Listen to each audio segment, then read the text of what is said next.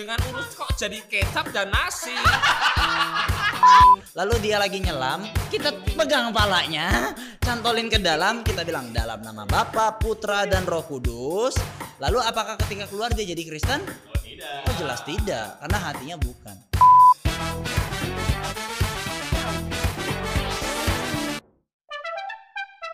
Oke, selamat datang kembali di Serawung Podcast episode yang ke-17.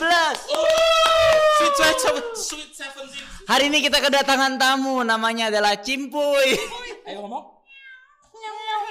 Oh dia malu teman-teman. Enggak kita nggak ada bintang tamu spesial Tapi kami berharap jika ada teman-teman yang biasa namanya kami mention Atau bapak-bapak yang biasanya Biasanya namanya kami mention Barangkali tertarik untuk podcast bersama kami. Ya kita capek pak ngomong sendiri pak. Betul. Oke hari ini kita akan bahas apa? Sepertinya panjang kita langsung saja. Bahas apa ini Mas? Yuk Agak berat ya Wak, mau disebutin. Apa? Pastor L kita bahas apa? Kita bahas kristenisasi. Uh sensitif. Ya langsung banyak yang live itu. Langsung banyak yang tutup podcastnya. Tapi anyway teman-teman betul sesuai judul. Mungkin teman-teman juga mengklik podcast ini karena melihat judulnya yang sangat sangat sangat apa ya bukan clickbait provoking. Atau kata lainnya kalau misalnya di Twitter triggering kayak gitu adalah tentang kristenisasi. Kenapa? Karena ternyata banyak sekali sekarang pemahaman yang salah tentang kristenisasi, praktiknya juga salah sehingga itu jadi ketakutan yang sebenarnya semu. Ketakutan pada sesuatu yang yang sebenarnya konsep yang salah juga kayak gitu. Coba kita cerita latar belakang dulu mungkin ya satu persatu. Eh, kenapa sih kita kita ngobrolin kristenisasi atau ada kegelisahan tersendiri nggak dengan kata ini soal kristenisasi? Nah teman-teman se- sebelum kita mulai ingat kalau misalnya Serong Podcast tidak bertanggung jawab atas opini masing-masing pembicara. Enggak, enggak, enggak, enggak. Jadi ini personal ya, bercanda, bercanda. Oke, silakan Mas Yu. Kalau keresahan-keresahan gini diriku ya selalu ya. Apa ya beberapa waktu lalu lah kayak misalnya ada beberapa orang kayak bahkan ini sebenarnya di kalangan kita sih di kalangan Kristen sendiri kayak jangan sampai kristenisasi kayak gitu-gitu. Terus lebih kayak kita kayak kristenisasi itu lebih ke apa ya? Ya kita harus berbuat baik aja supaya orang tuh ngelihat Kristus di dalam diri kita. Itu benar, cuma kayak pemberitaannya tuh kayak hanya sebagian gitu loh, jadi tidak sepenuhnya kebenaran yang diceritakan kayak gitu. Ya banyak sih dari kalangan Kristen bahkan kayak jangan sampai kristenisasi, jangan sampai nanti kita tuh harus cerdik. Kadang hal-hal yang dipakai tuh kayak cerdik seperti ular kayak gitu-gitu, jangan sampai jangan sampai apa ya kita tuh nanti dapat tekanan kayak gini gini gini seperti itu sih itu jadi keresahan sih maksudnya padahal itu pun adalah panggilan kita untuk mengkristenkan orang bukan Apa-apa udah ngasih statement loh nih parah banget. Pastor L. Sebenarnya eh, kata-kata kristenisasi itu kan udah ada dari lama ya. Ada beberapa video yang aku sempat lihat di eh, YouTube sudah ada tuh kristenisasi dan sebagainya. Tetapi melalui podcast ini se- sebenarnya keresahan itu pun sudah ada sejak lama. Pemikiran ini sudah ada sejak lama. Cuman memang karena beberapa waktu yang lalu agak lebih eh, meresahkan, intens ya cukup banyak dibahas. Akhirnya kita memilih untuk ngobrol-ngobrol soal ini. Seperti itu sih. Ya bahasanya kita di sini rethinking lah ya biar lebih Hmm. aman. Memikirkan ulang apa sih kenapa sih orang rame banget ngomong kristenisasi gitu. Orang tuh maksudnya dari dua sisi ya, dari eh, orang-orang yang bukan Kristen dan juga orang-orang Kristen sendiri gitu. Pada apa? Ngomongin hal itu seolah-olah sesuatu yang harus dihindari tanpa kita benar-benar memikirkan lagi sebenarnya maknanya itu apa gitu. Kalau aku sendiri sih ya keresahannya adalah sebenarnya di di ministry aku ya kita kan banyak di pemberitaan Injil gitu. Nah itu jadi salah satu hal yang sering ditabrakkan dengan penginjilan gitu. Seolah-olah seolah-olah penginjilan jadi tidak perlu dilakukan karena itu sangat lekat dengan eh, istilah kristenisasi gitu-gitu. Jadi sering apa ya? Sering ada kesalahpahaman-kesalahpahaman tertentu yang membuat orang jadi eh, mundur dari panggilan untuk memberitakan Injil gitu sih. Oke, jadi itu keresahannya. Kalau aku pribadi, apa ya? Jadinya muncul konsepsi yang salah tadi, pemahaman yang salah. Bukan cuman dari teman-teman yang yang mengkritik atau yang kontra terhadap praktik dan istilah ini, tapi juga mungkin bagi teman-teman yang Kristen juga yang aktif quote and quote yang dianggap melakukan praktik kristenisasi gitu. Dan bahkan dampaknya adalah ini adalah eh muncul pemahaman yang salah terhadap gereja kekristenan, penginjilan dan amanat agung itu sendiri. Jadi kita tuh nanti akan digiring untuk takut terhadap amanat agung, terhadap kehidupan kekristenan, bahkan memegang label sebagai orang Kristen kayak gitu. Karena nanti kita takut dianggap sebagai kristenisasi. Oke, tapi mungkin sebelum kita jawab pertanyaan berikutnya kita define lagi kristenisasi dan rethinking tadi, mungkin kita akan ngobrol dulu ya. Karena sebenarnya ini sangat berhubungan. Kita akan bicarain tentang definisi orang Kristen dulu sebenarnya. Apalagi kan sekarang banyak orang yang yang orang di gereja susah juga nanti nyebutnya apa. Atau ini deh, believer, believer yang spiritual itu yang sudah menolak untuk betul kan? yang sudah menolak untuk menggunakan kata agama di dalam kehidupan kekristenannya. Jadi nggak mau disebut kalau kekristenan itu agama kayak gitu. Nah sebenarnya kita bahas dulu definisi Kristen itu apa sih? Siapa yang mau mulai? Mas? Kalau Kristen itu kan pertama kali disebut di kisah para rasul berapa tadi? 11 ayat 26 tadi di Antioquia lah murid-murid pertama kali disebut Kristen. Jadi Kristen tuh kayak kalau teman-teman pernah di tahun berapa ya? Wah, bukan pernah di tahun, pernah denger sorry istilah Jesus freak. Istilah Jesus freak di tahun aku lupa 60 apa 80 kayak gitu. Jadi itu kumpulan orang-orang yang mendedikasikan hidup untuk hidup serius holy kayak gitu, kekudusan kayak ho- apa? Holy movement kayak gitu kayak hidup yang benar-benar mereka tuh tidak mau serupa dengan dunia, menjaga diri kayak gitu. Nah, akhirnya orang-orang tuh melabeli mereka tuh Jesus freak. Sebenarnya itu kayak penghinaan sih. Kayak penghinaan, kayak ejekan. Oh, orang-orang yang tergila-gila sama Yesus kayak itu sebenarnya ejekan. Nah, kata Kristen dulu tuh juga hampir sama. Karena Kristen itu kayak atau artinya kan Kristus apa ya? Kristus-Kristus kecil kayak gitu. Artinya, wah ini orang-orang yang hidupnya tuh mirip seperti Kristus, hidup men- mengikuti ajaran dan sistem hidup, eh, sistem kepercayaan Kristus kayak gitu-gitu. Maksudnya yang mereka percaya. Nah, orang-orang waktu itu di Antioquia sekeliling mereka murid sekeliling murid-murid menyebut mereka tuh seperti itu. Jadi kayak Kristen tuh pertama tuh memang pelabelan karena sebu pelabelan pelabelan kepada seseorang atau kelompok yang mengikuti ajaran Kristus atau sistem kepercayaannya, sistem kehidupannya tuh seperti Kristus kayak gitu. Itu itu Kristen di maksudnya awal-awal penyebutannya tuh seperti itu. Ada yang mau nambahin? Tapi tadi menarik ya, Kristen adalah orang-orang yang pertama kali disebut Kristen itu adalah sekumpulan murid. Aku sih eh, fokusnya di situ sih. Jadi siapa sih yang disebut Kristen ya ke- eh, dia yang apa ya istilahnya predikatnya itu adalah murid gitu. Bukan sekedar orang yang tahu tapi tidak mengikuti atau fans tapi tidak mengikuti. Tapi istilah murid itu akan ada di dalam konteks ini ya mendidik ya. Kalau ada murid pasti ada guru ada ajaran gitu. Jadi ini menarik karena berarti sebenarnya istilah Kristen itu adalah orang yang uh, dengan sadar ini menurutku ya kayak opiniku ya. Berarti orang yang dengan sadar committed submitted kepada Kristus dan ajarannya gitu jadi kamu jadi Kristen kapan? Ya ketika kamu menyerahkan diri sebagai murid kepada Kristus gitu. Bukan kok terus eh, itu Kristen itu bukan sekedar kayak ya udah agama ada ada enam nih kamu milih salah satu Kristen gitu. Bukan juga yang kayak eh, keluar itu kayak bukan status quo gitu loh kayak warisan dari keluarga gitu. Bukan. Kristen menurutku adalah kalau kembali ke apa yang kisah Rasul 11 katakan adalah ketika seseorang itu menyerahkan diri sebagai murid gitu. Jadi ada ada kesadaran dan keputusan di sana gitu loh dan yang itu sadar ya bukan paksaan gitu. Dengan demikian, dengan demikian eh, arti kristenisasi apa? Wah, kejauhan lu, udah kejauhan nggak? Ya, soalnya udah Gini, lengkap, gini udah lengkap nih. Jadi gini jadi kayak kapan seseorang jadi Kristen Pastor? Lah itu tadi ketika seseorang dengan sadar menyerahkan dirinya untuk menjadi murid Kristus kan seperti itu, menjadi, menjadi pengikut Kristus. Ya itu udah lengkap sih definisi dari Mas Yu sama Tian. Berarti kalau kalau misalnya aku dicelupin ke kolam renang sama seseorang terus kayak kepalaku dicelupin terus dibilang, "Oh, dibaptis, dibaptis." Putra dan Roh Kudus, aku baptis engkau. Nah, apakah itu sudah menjadikan seseorang langsung Kristen? Tentu tidak.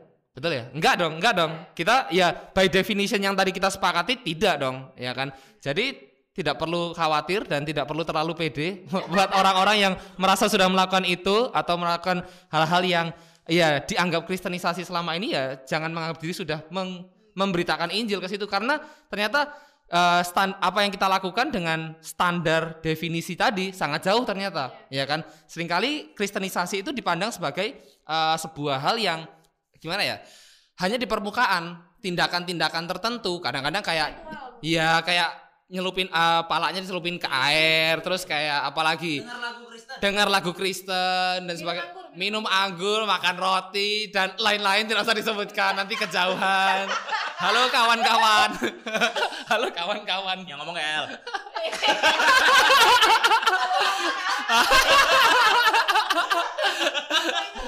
nah kayak gitu. Jadi kayak iya itu ternyata, ternyata bukan pemberitaan Injil gitu loh guys itu bukan pemberitaan Injil kawan-kawanku seperti itu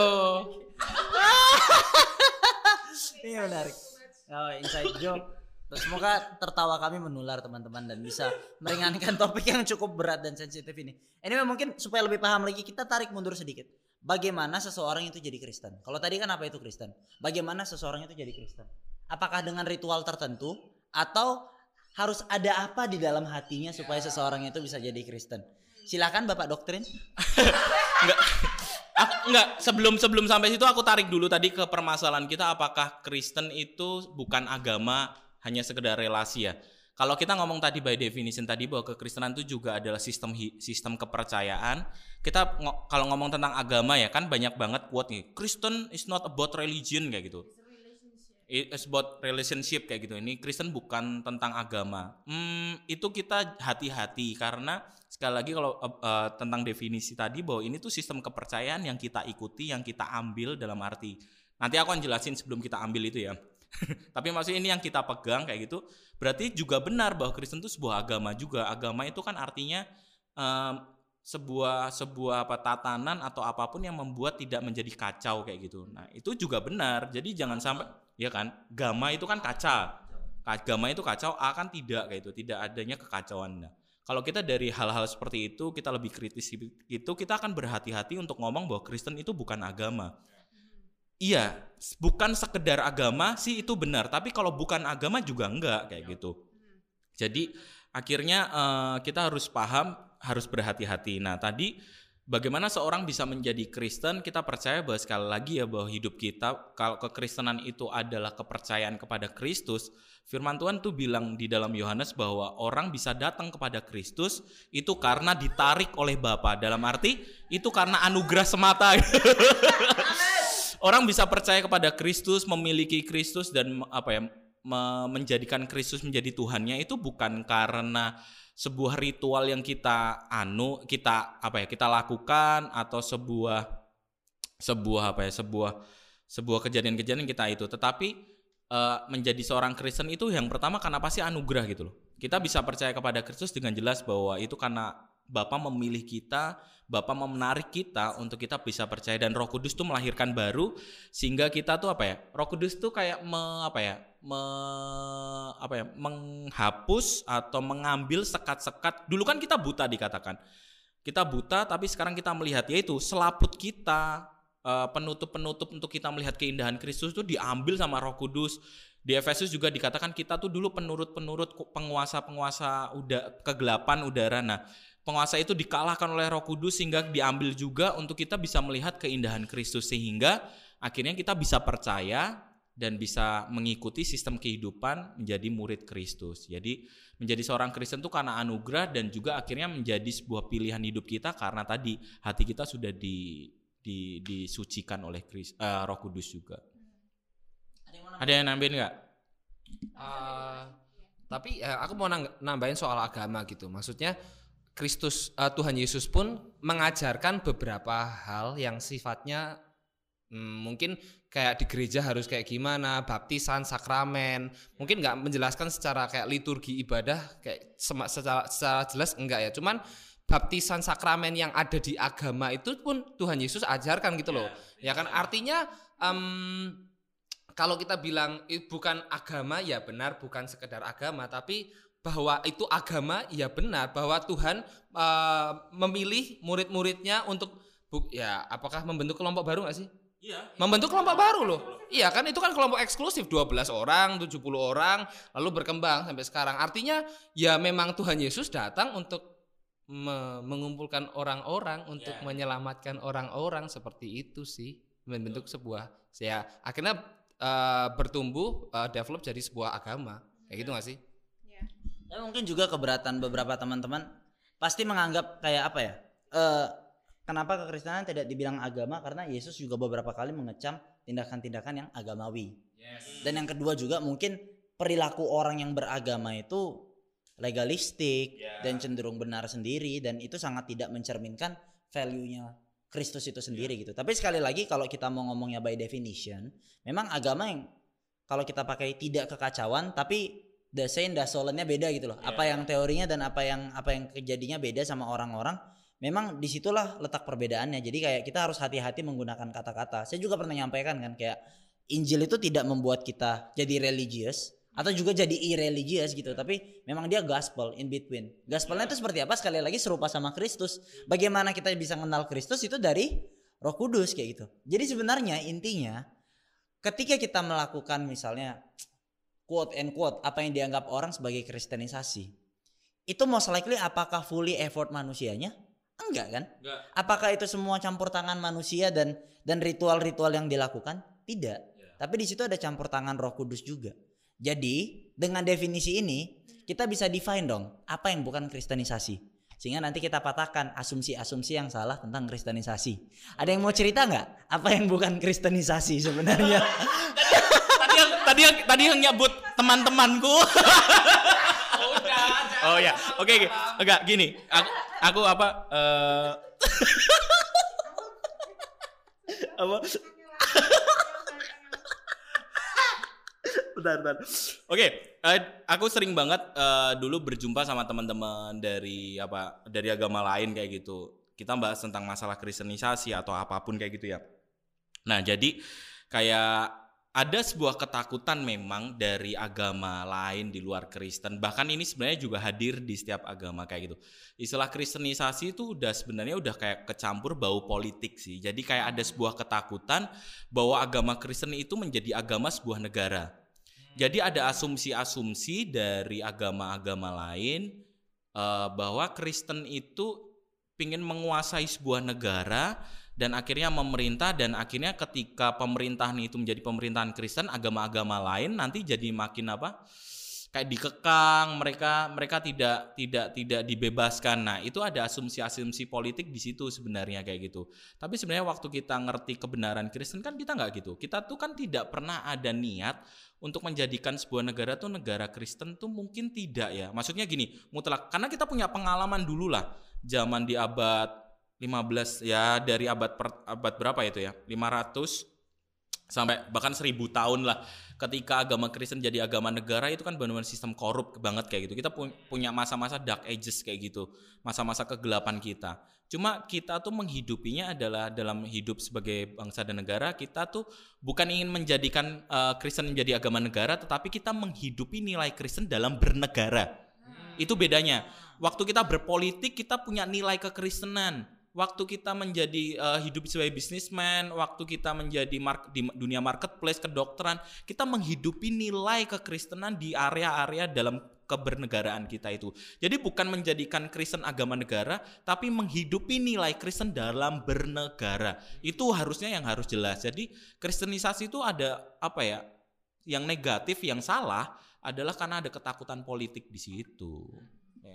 Nah, tadi kan dibahas tuh apa yang bukan kristenisasi. Nah, aku nggak mungkin nggak nggak mau membahas secara detail tindakan-tindakan apa, tapi aku pengen bacain satu ayat Roma 10 ayat 10. Karena dengan hati orang percaya dan dibenarkan, dan dengan mulut orang mengaku dan diselamatkan. Artinya apa? Kalau dengan mulut kita bisa memanipulasi orang untuk mengaku kepada uh, mengucapkan sebuah kalimat untuk percaya sama Yesus, itu bisa. Yesusnya diganti jalan kebenaran dan kehidupan, Yesusnya diganti terang, Yesusnya diganti apa pun itulah. Tapi masalah hati itu nggak bisa. Jadi bisa dinilai sendiri nih mana tindakan yang bukan kristenisasi, ya kan? Kenapa? Karena untuk menjadi seorang Kristen ada transformasi hati yang adalah karya Roh Kudus. Nah, jadi pentingnya di situ tuh ada mulut mulut mengaku orang bisa manipulasi tapi hati berubah nggak bisa dimanipulasi. Nah, jadi teman-teman bisa menilai sendiri mana yang kristenisasi dan mana yang bukan seperti itu. Apa ya? Kita tuh belum bahas loh definisi kristenisasi itu apa. ya nggak sih? yang negatif dulu ya. Ya, yang negatif. Apa ya? Sering kali gini ya. Kadang-kadang kita tuh kan mungkin dibingungkan ya waktu kita ngomong kristenisasi. Lah kalau gitu Kak, eh, kenapa ada amanat agung gitu ya? Seolah-olah itu bertuburukan gitu loh. Menurut aku tetap gini sih. Ketika kita punya eh, tanggung jawab yang diberikan oleh Kristus sendiri untuk mewartakan Injil kepada bahkan kitab Markus menulisnya kepada semua makhluk ya kan. Ketika kita punya uh, perintah, punya amanat yang diminta untuk dia ngomong sama kucing dong. Iya iya iya. Tanggung jawab untuk memberitahukan seluruh dunia bahwa ada pengampunan dosa di dalam Kristus. Itu tuh sebuah proklamasi, sebuah deklarasi, sebuah pesan yang kita sampaikan kepada orang. Tidak ada tidak ada apa ya istilahnya tidak ada paksaan atau manipulasi di sana untuk membuat orang itu percaya. Lagian kayak kata El tadi gimana caranya aku membuat dia percaya gitu loh. Kan nggak bisa gitu. Seseorang percaya karena ada interupsi dari dalam tentunya gitu. Iya kan? Iya, Siapa bener. yang akan per- siapa yang akan percaya kalau tidak ada pemberitaan? Pemberitaan apa itu? Ya. Tentu saja pemberitaan Injil gitu. Jadi artinya ketika kita punya amanat yang kita pegang yang kita terima dari Kristus sendiri untuk mewartakan pengampunan dosa itu adalah sebuah deklarasi itu bukan kristenisasi gitu. Itu sebuah deklarasi itu satu juga ya. Terus juga tadi kan kita di awal udah bilang eh, bahwa definisi Kristen adalah murid Kristus ya. Dan itu aku rasa selaras juga dengan perintah Kristus amanat agung. Jadikanlah semua bangsa murid Kristus dan ajarlah mereka gitu. Jadi proses menjadikan orang lain Kristen atau menjadi murid Kristus itu juga sebenarnya ya ini agak tipis sih nanti mesti hati-hati di sini adalah sebenarnya em, perintah Kristus sendiri gitu. Jadi ketika kita bilang kristenisasi dan entah bagaimana ada konotasi yang negatif kita pasti membayangkan sebuah apa ya tindakan pemaksaan tertentu gitu ya. Tunggu dulu gitu loh. Kalau kita tahu definisi Kristen itu apa dan ditambah kata isasi di belakangnya, sebenarnya itu adalah sebuah konsekuensi bahwa memang menjadikan orang lain murid Kristus itu pun adalah perintah gitu loh. Jadi jangan buru-buru nempelin label negatif dulu kepada kata ini. Bahwa ada orang yang mengabuse kata ini dan menjadikannya sebagai sebuah tindakan di- dipakai untuk melabeli sebuah tindakan yang kurang menyenangkan yang dilakukan oleh orang Kristen bisa jadi gitu. Tapi hati-hati supaya kita tidak menjadikan apa yang kita lakukan yang harus sebenarnya kita lakukan sebagai Kristen itu sebagai kristenisasi dengan konotasi yang negatif gitu. Belibet nggak ya nggak tahu lah pokoknya gitulah. Ya itu sama dengan definisi yang sulit dan pembicaraan yang yang cukup berat, tetap tidak bisa hanya dengan hikmat dan pemaksaan manusia untuk mendengarkan podcast ini. Tetap betul kan tetap harus ada Roh Kudus yang mengintervensi dan memberikan kita pemahaman. Begitu juga. Berarti teman-teman, by definition SOP-nya adalah mengaku dengan mulut, percaya dengan hati. Kita nggak bisa manipulasi hati. Jadi kalau misalnya kita di kolam renang, ada teman kita yang non believer, lalu dia lagi nyelam, kita pegang palanya, cantolin ke dalam, kita bilang dalam nama Bapa, Putra dan Roh Kudus. Lalu apakah ketika keluar dia jadi Kristen? Oh tidak. Oh jelas tidak, karena hatinya bukan. Berarti ah, berarti kalau misalnya kita mau tarik lagi, ketika kita memaksa orang untuk masuk ke dalam gereja dan di dalam praktik ibadah kayak gitu. Apakah di situ dikatakan dia sudah jadi Kristen? No juga. Enggak. Bahkan yang believer pun yang kita ajak ke gereja pun dia belum tentu dia sudah jadi Kristen yang sejati. Jadi teman-teman, kalau misalnya dibilang kita sedang melakukan kristenisasi dengan melakukan praktik-praktik tertentu, itu by konsep udah salah. Dan itu sedang melakukan hal yang mustahil kayak gitu. Memaksa, misalnya kita kurung di dalam ruangan terus putar Spotify lagu rohani penyembahan. Mana tahu kayak gitu bertobat kamu ya gitu. Mana tahu dijamah dan segala macam. Ya, jadi bukan bukan seperti itu definisi kristenisasinya kayak gitu. Bukan seperti itu caranya. Hmm. Jadi Kristen tuh tidak semudah dan sebercanda itu guys gitu.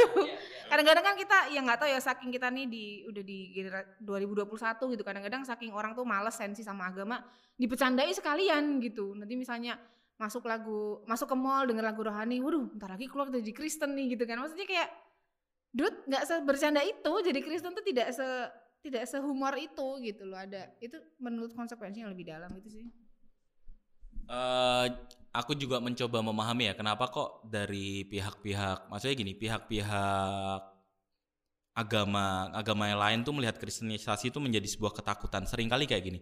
Karena kita tuh orang Kristen juga sering kali memaknai penginjilan tuh pakai tipu-tipu gitu loh. Maksudnya gini manipulasi. Jadi kayak berbuat baik kayak gitu-gitu. Ya kita berbuat baik itu apa ya? Itu harusnya menjadi menjadi buah hidup kita. Jangan kita pakai itu untuk kita istilahnya punya eh, punya punya niat apa ya? Karena kita gini maksudnya kita tuh dalam me- memaknai penginjilan kita tuh terlalu pakai banyak hal yang yang apa ya? Yang rumit gitu loh.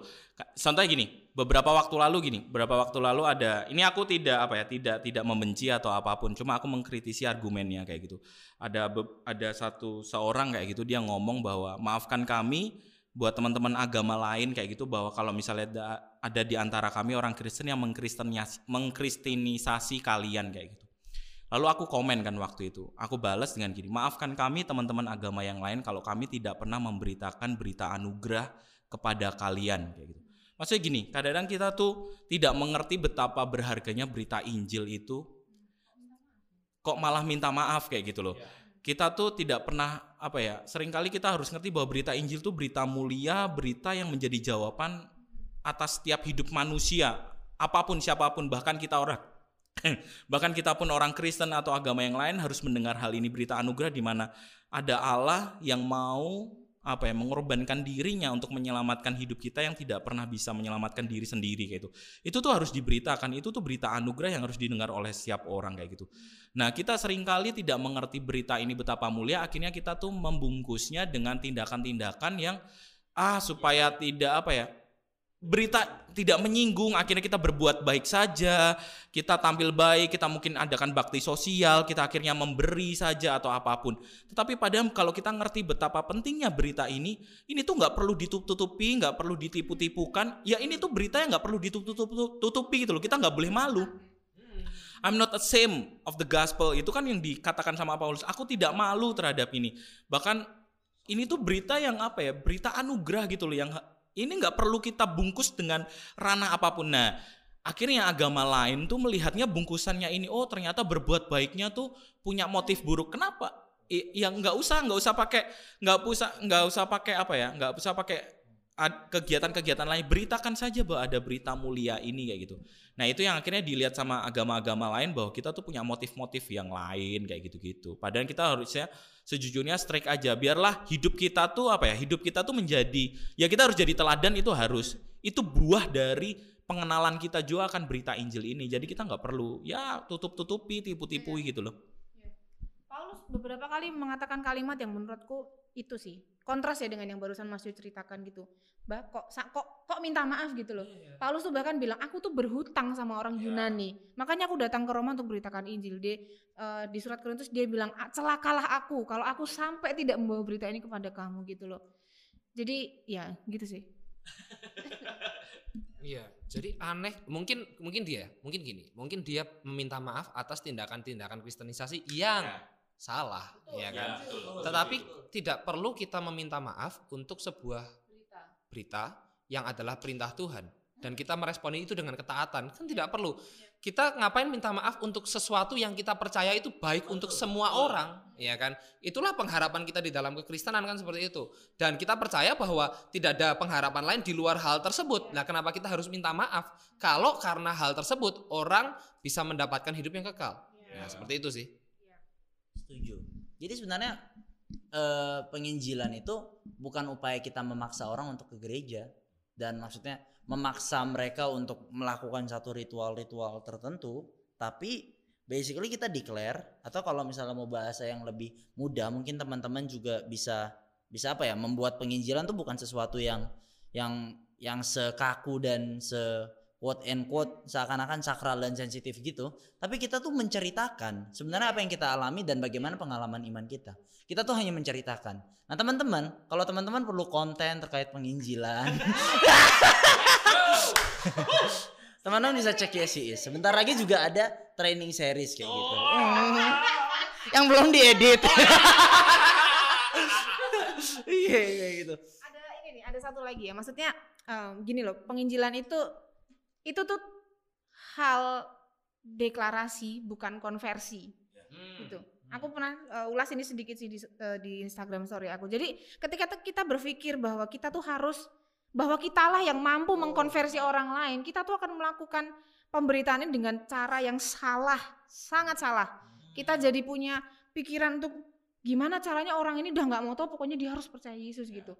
Jadi ada ada hasrat-hasrat dan itu sangat-sangat berpotensi untuk meni- eh, memancing kita melakukan hal ini dengan cara-cara yang eh, apa ya menjebak menjebak, memanipulasi gitu. Padahal kalau kita memahami bahwa penginjilan itu adalah matters of proclamation, declaration, kita akan melakukannya dengan tulus, jujur, apa adanya. Ya ini yang aku percaya dan aku mau share sama kamu gitu. Jadi ini penting sih eh, bedakan antara proklamasi dengan usaha-usaha untuk konversi ya gitu. Walaupun memang tidak dipungkiri bahwa idealnya ya harapan kita terdalam akan terjadi konversi tentunya kan orang mengikut Kristus secara saja memang itu. Cuman ketika kita berpikir bahwa kitalah yang mengkonversi orang, kita salah besar di situ.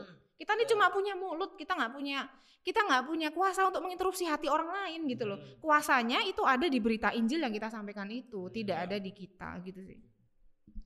Keren ya. Jadi kita hari ini belajar kalau sebenarnya sistem yang Yesus ajarkan itu sendiri itu sudah tidak memungkinkan kita untuk untuk apa ya? Untuk serampungan, untuk untuk brutal, untuk serampa, untuk berantakan, serampungan dalam Kris, dalam dalam penginjilan kayak gitu.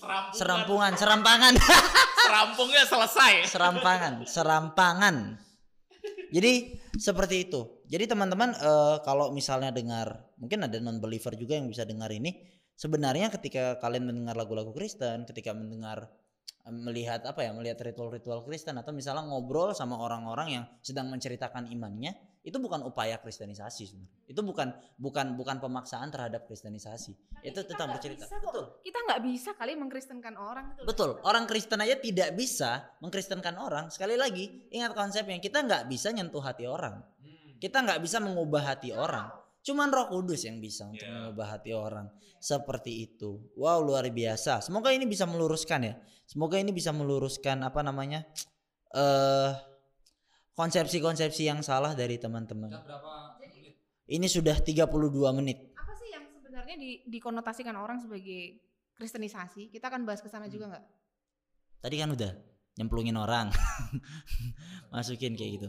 Nah, sekarang yang yang maksudnya kita akan bicara tentang amanat agung deh kayak gitu. Mungkin kita lebih detailkan aja kan apa yang apa sih orang-orang Kristen ini sekarang bahkan jadi takut untuk mengembrace amanat agung kayak gitu. Tadi kan udah baik konsep.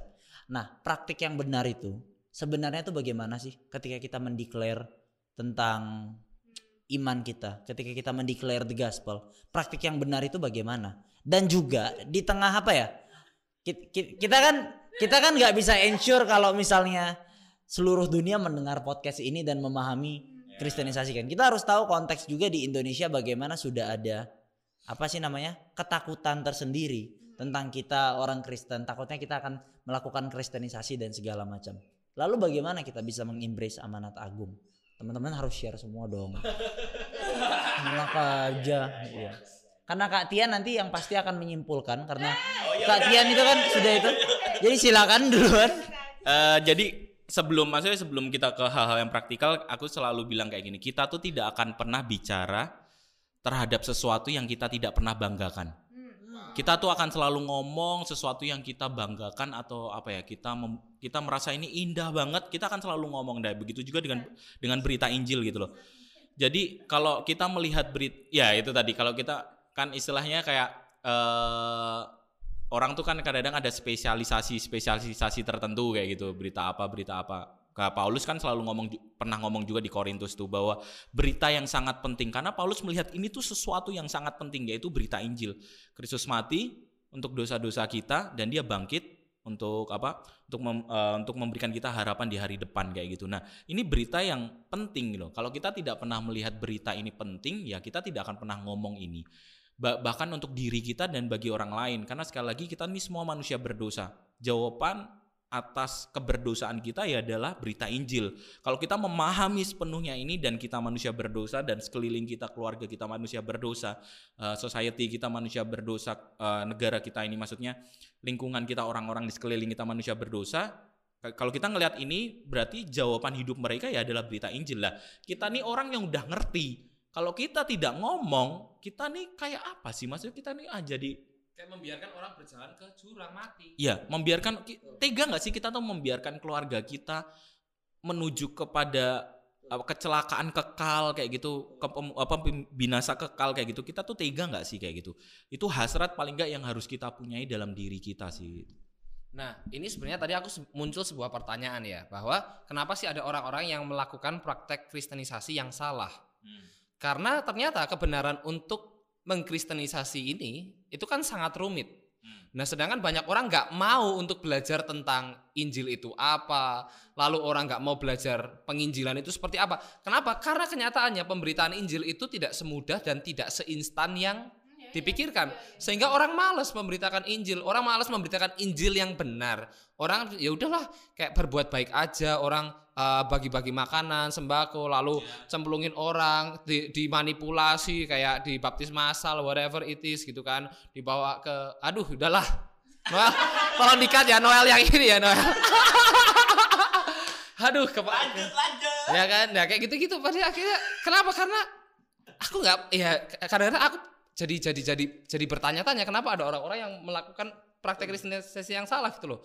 Ya karena memang ternyata tidak semudah yang dibayangkan gitu loh. Semua orang pengennya yang sederhana tetapi ketika mereka pengen yang sederhana mereka berpikir bahwa oh kalau sederhana cepat kuasa Tuhan itu dinyatakan. Tapi ternyata itu hanya menyentuh permukaan nggak menyentuh ke pada hati. Padahal esensinya Injil itu menyentuh sampai ke hati mentransformasi ke hati dan mereka akan mengasihi Kristus gitu loh. Dan kalau kita hanya melakukan kristenisasi yang sifatnya hanya permukaan, ya kita datang ke mereka lagi bertahun-tahun lagi sudah nggak nggak akan terjadi perbedaan apa pun gitu loh.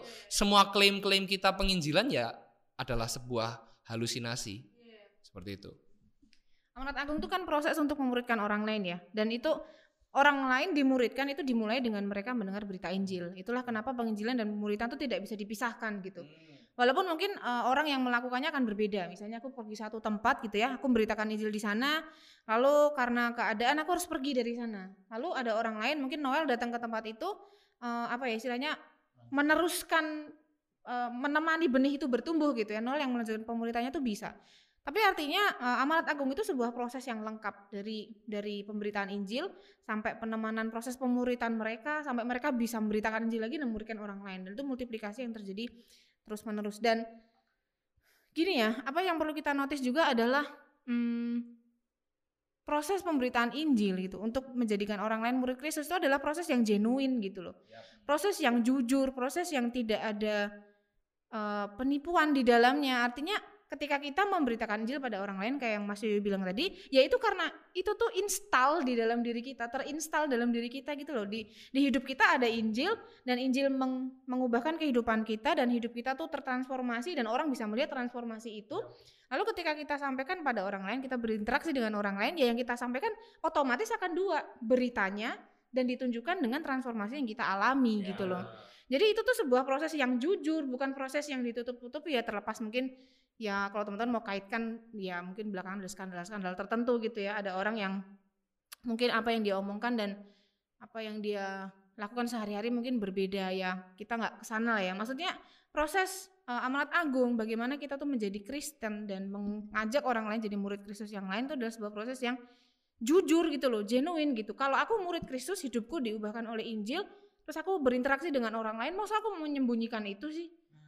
Kan ya orang somehow akan tahu gitu loh bahwa aku hidup di bawah eh, ajaran Kristus gitu loh. Jadi eh, itu tuh sesuatu yang genuine terpancar dari kehidupan kita. Terlepas dari nanti misalnya gini ya, kan sering kali yang dijadikan dituduh kristenisasi itu kayak orang Kristen bagi makanan ke tetangganya gitu. Misalnya dikira itu kristenisasi, mengkristenkan orang lain. Ah, maksudnya gini loh, kayak apakah sebungkus apakah 5 kilo beras itu seberkuasa itu gitu. Mengutuk mengubah hati orang gitu. Mempercayai sesuatu yang sifatnya berurusan dengan kekekalan loh ini cuy. Dengan urus kok jadi kecap dan nasi.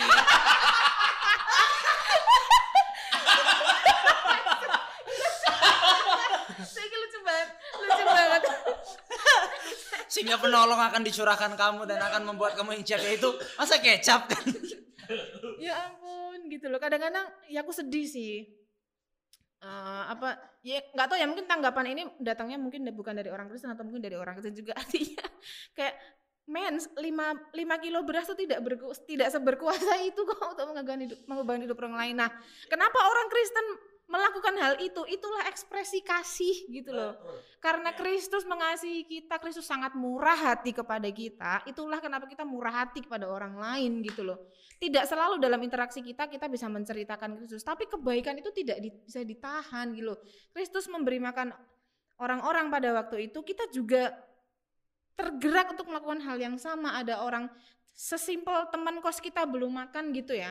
Ya kita beli nasi padang nasinya banyak bagi dua makan bareng gitu.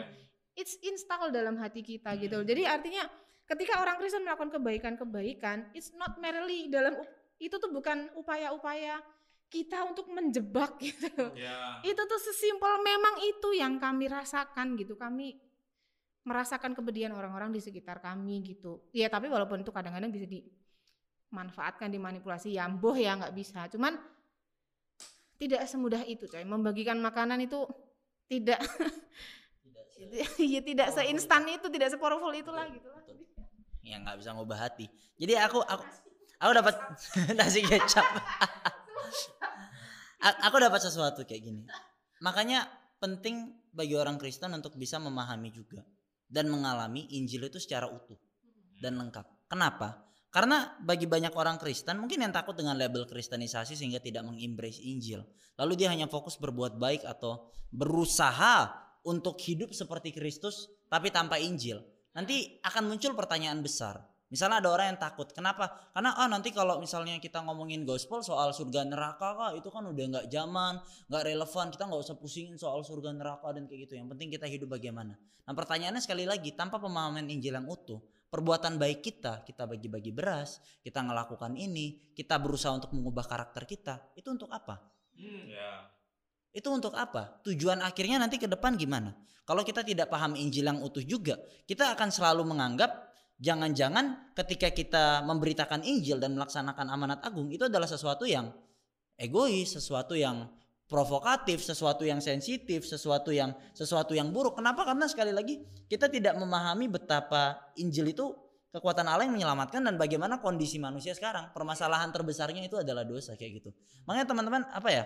Jangan sampai kita masuk ke dalam ekstrim yang oh ketika kita melihat ada banyak orang Kristen atau banyak orang yang quote and quote yang biasa banyak dilabeli sebagai orang-orang beragama melakukan sesuatu yang buruk dan itu menjadi membelarkan kita pemahaman tentang the real truth-nya. Jadinya kita jadi malas untuk menginjil, kita malas ini atau kita bikin something ya udah nggak terlalu penting tentang tentang tentang keselamatan dan tentang apa yang penting bagaimana kita bisa love. Kan sekarang kayak gitu kan. Padahal kan di Valentine diingatkan juga kalau Allah adalah kasih tapi kasih itu bukan Allah kayak gitu, bukan yang terutama. Jadi apa ya? Ketika kita memberitakan kabar sukacita, aku pernah dapat ilustrasi yang baik. Khususnya buat orang-orang yang menganggap kalau misalnya kita memberitakan eh, apa ya Yesus itu jalan kebenaran dan hidup itu sesuatu yang egois. Karena berkata cuman cuman satu jalan kayak gitu. Sebaliknya eh, enggak seperti itu ketika kita sudah bisa dapetin Injil yang utuh ilustrasinya kayak gini.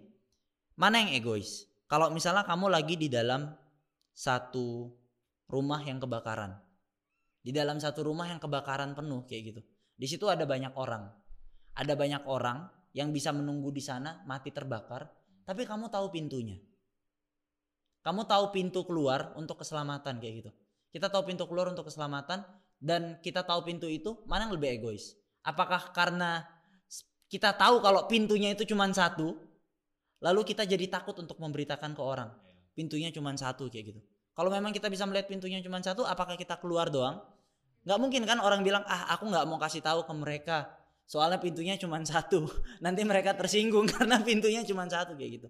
Padahal kan harusnya ketika kita tidak memberitahu itu jadi satu hal yang lebih egois teman-teman. dan juga kayak em, tugas tanggung jawab kit- yang kita punya untuk memberitakan Injil itu tidak mengcancel tanggung jawab kita yang lain dalam hidup berdampingan dengan orang lain loh. Itu tidak mengcancel kewajiban kita juga untuk respect kepada orang lain. Pun dalam pemberitaan Petrus tuh selalu Petrus tuh mengingatkan kita dengan keras untuk melakukannya dengan lemah lembut dan hormat gitu loh. Jadi itu apa ya jangan diseparasikan gitu loh. Istilahnya coba dibalik pola pikirnya. Yaudah deh kita kita ngelakuin eh, kebaikan-kebaikan apa ya istilahnya kita memberi memberi dampak secara jasmani aja tapi yang rohani itu urusan Tuhan gitu. Gimana kalau kita balik gitu? Injil aja kita beritakan masa yang jasmani nggak? Kita tolong gitu loh. Dibalik pola pikirnya jangan jangan diredus jadi udah deh kita ngelakuin yang kita yang semua orang bisa terima aja. Tapi Injilnya kita keep aja buat diri kita sendiri. Kebalik. Kalau Injil aja harus diberitakan sesuatu yang rohani yang sifatnya kekal aja harus di eh, kita sampaikan ke orang lain. Apalagi hal-hal yang sederhana yang mudah gitu loh. Gitu sih.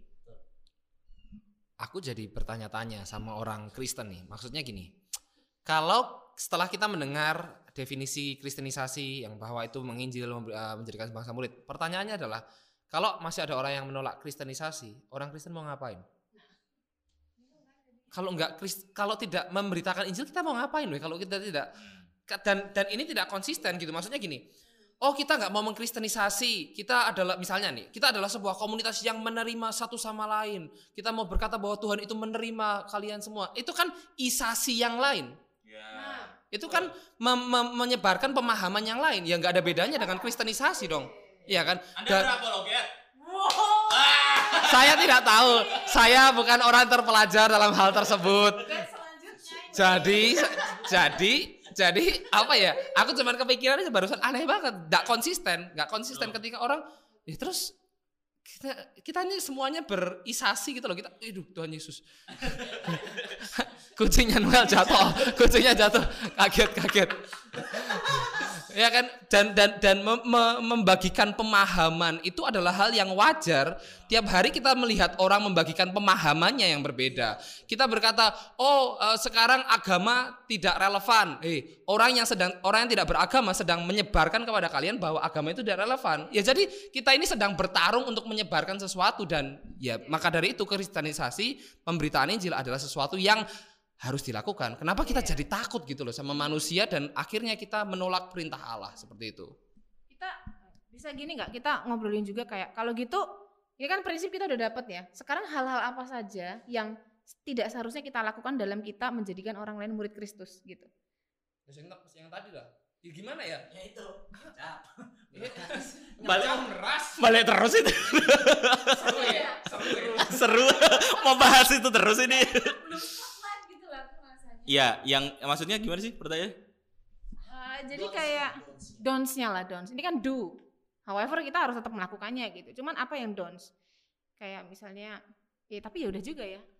Ya donsnya tuh maksudnya hanya sekedar membawa mereka ke gereja. Kayak gitu juga jangan itu juga. Kita tetap harus memberitakan pesannya kan kayak gitu. Atau donsnya jangan pernah memanipulasi kegiatan-kegiatan pemberitaan Injil hanya dengan sekedar bagi kita tuh hanya gini kayak memberi tadi kayak memberi kecap tadi tuh hanya itu dianggap sebagai penginjilan. Itu bukan kayak gitu. Atau berbuat baik saja itu bukan penginjilan. Penginjilan tuh harus whole yaitu beritanya disampaikan keteladanan hidup juga dicontohkan. Itu pemberian. Dan akhirnya dija- untuk mereka bisa menjadi murid. Itu kan penginjilan kan gitu.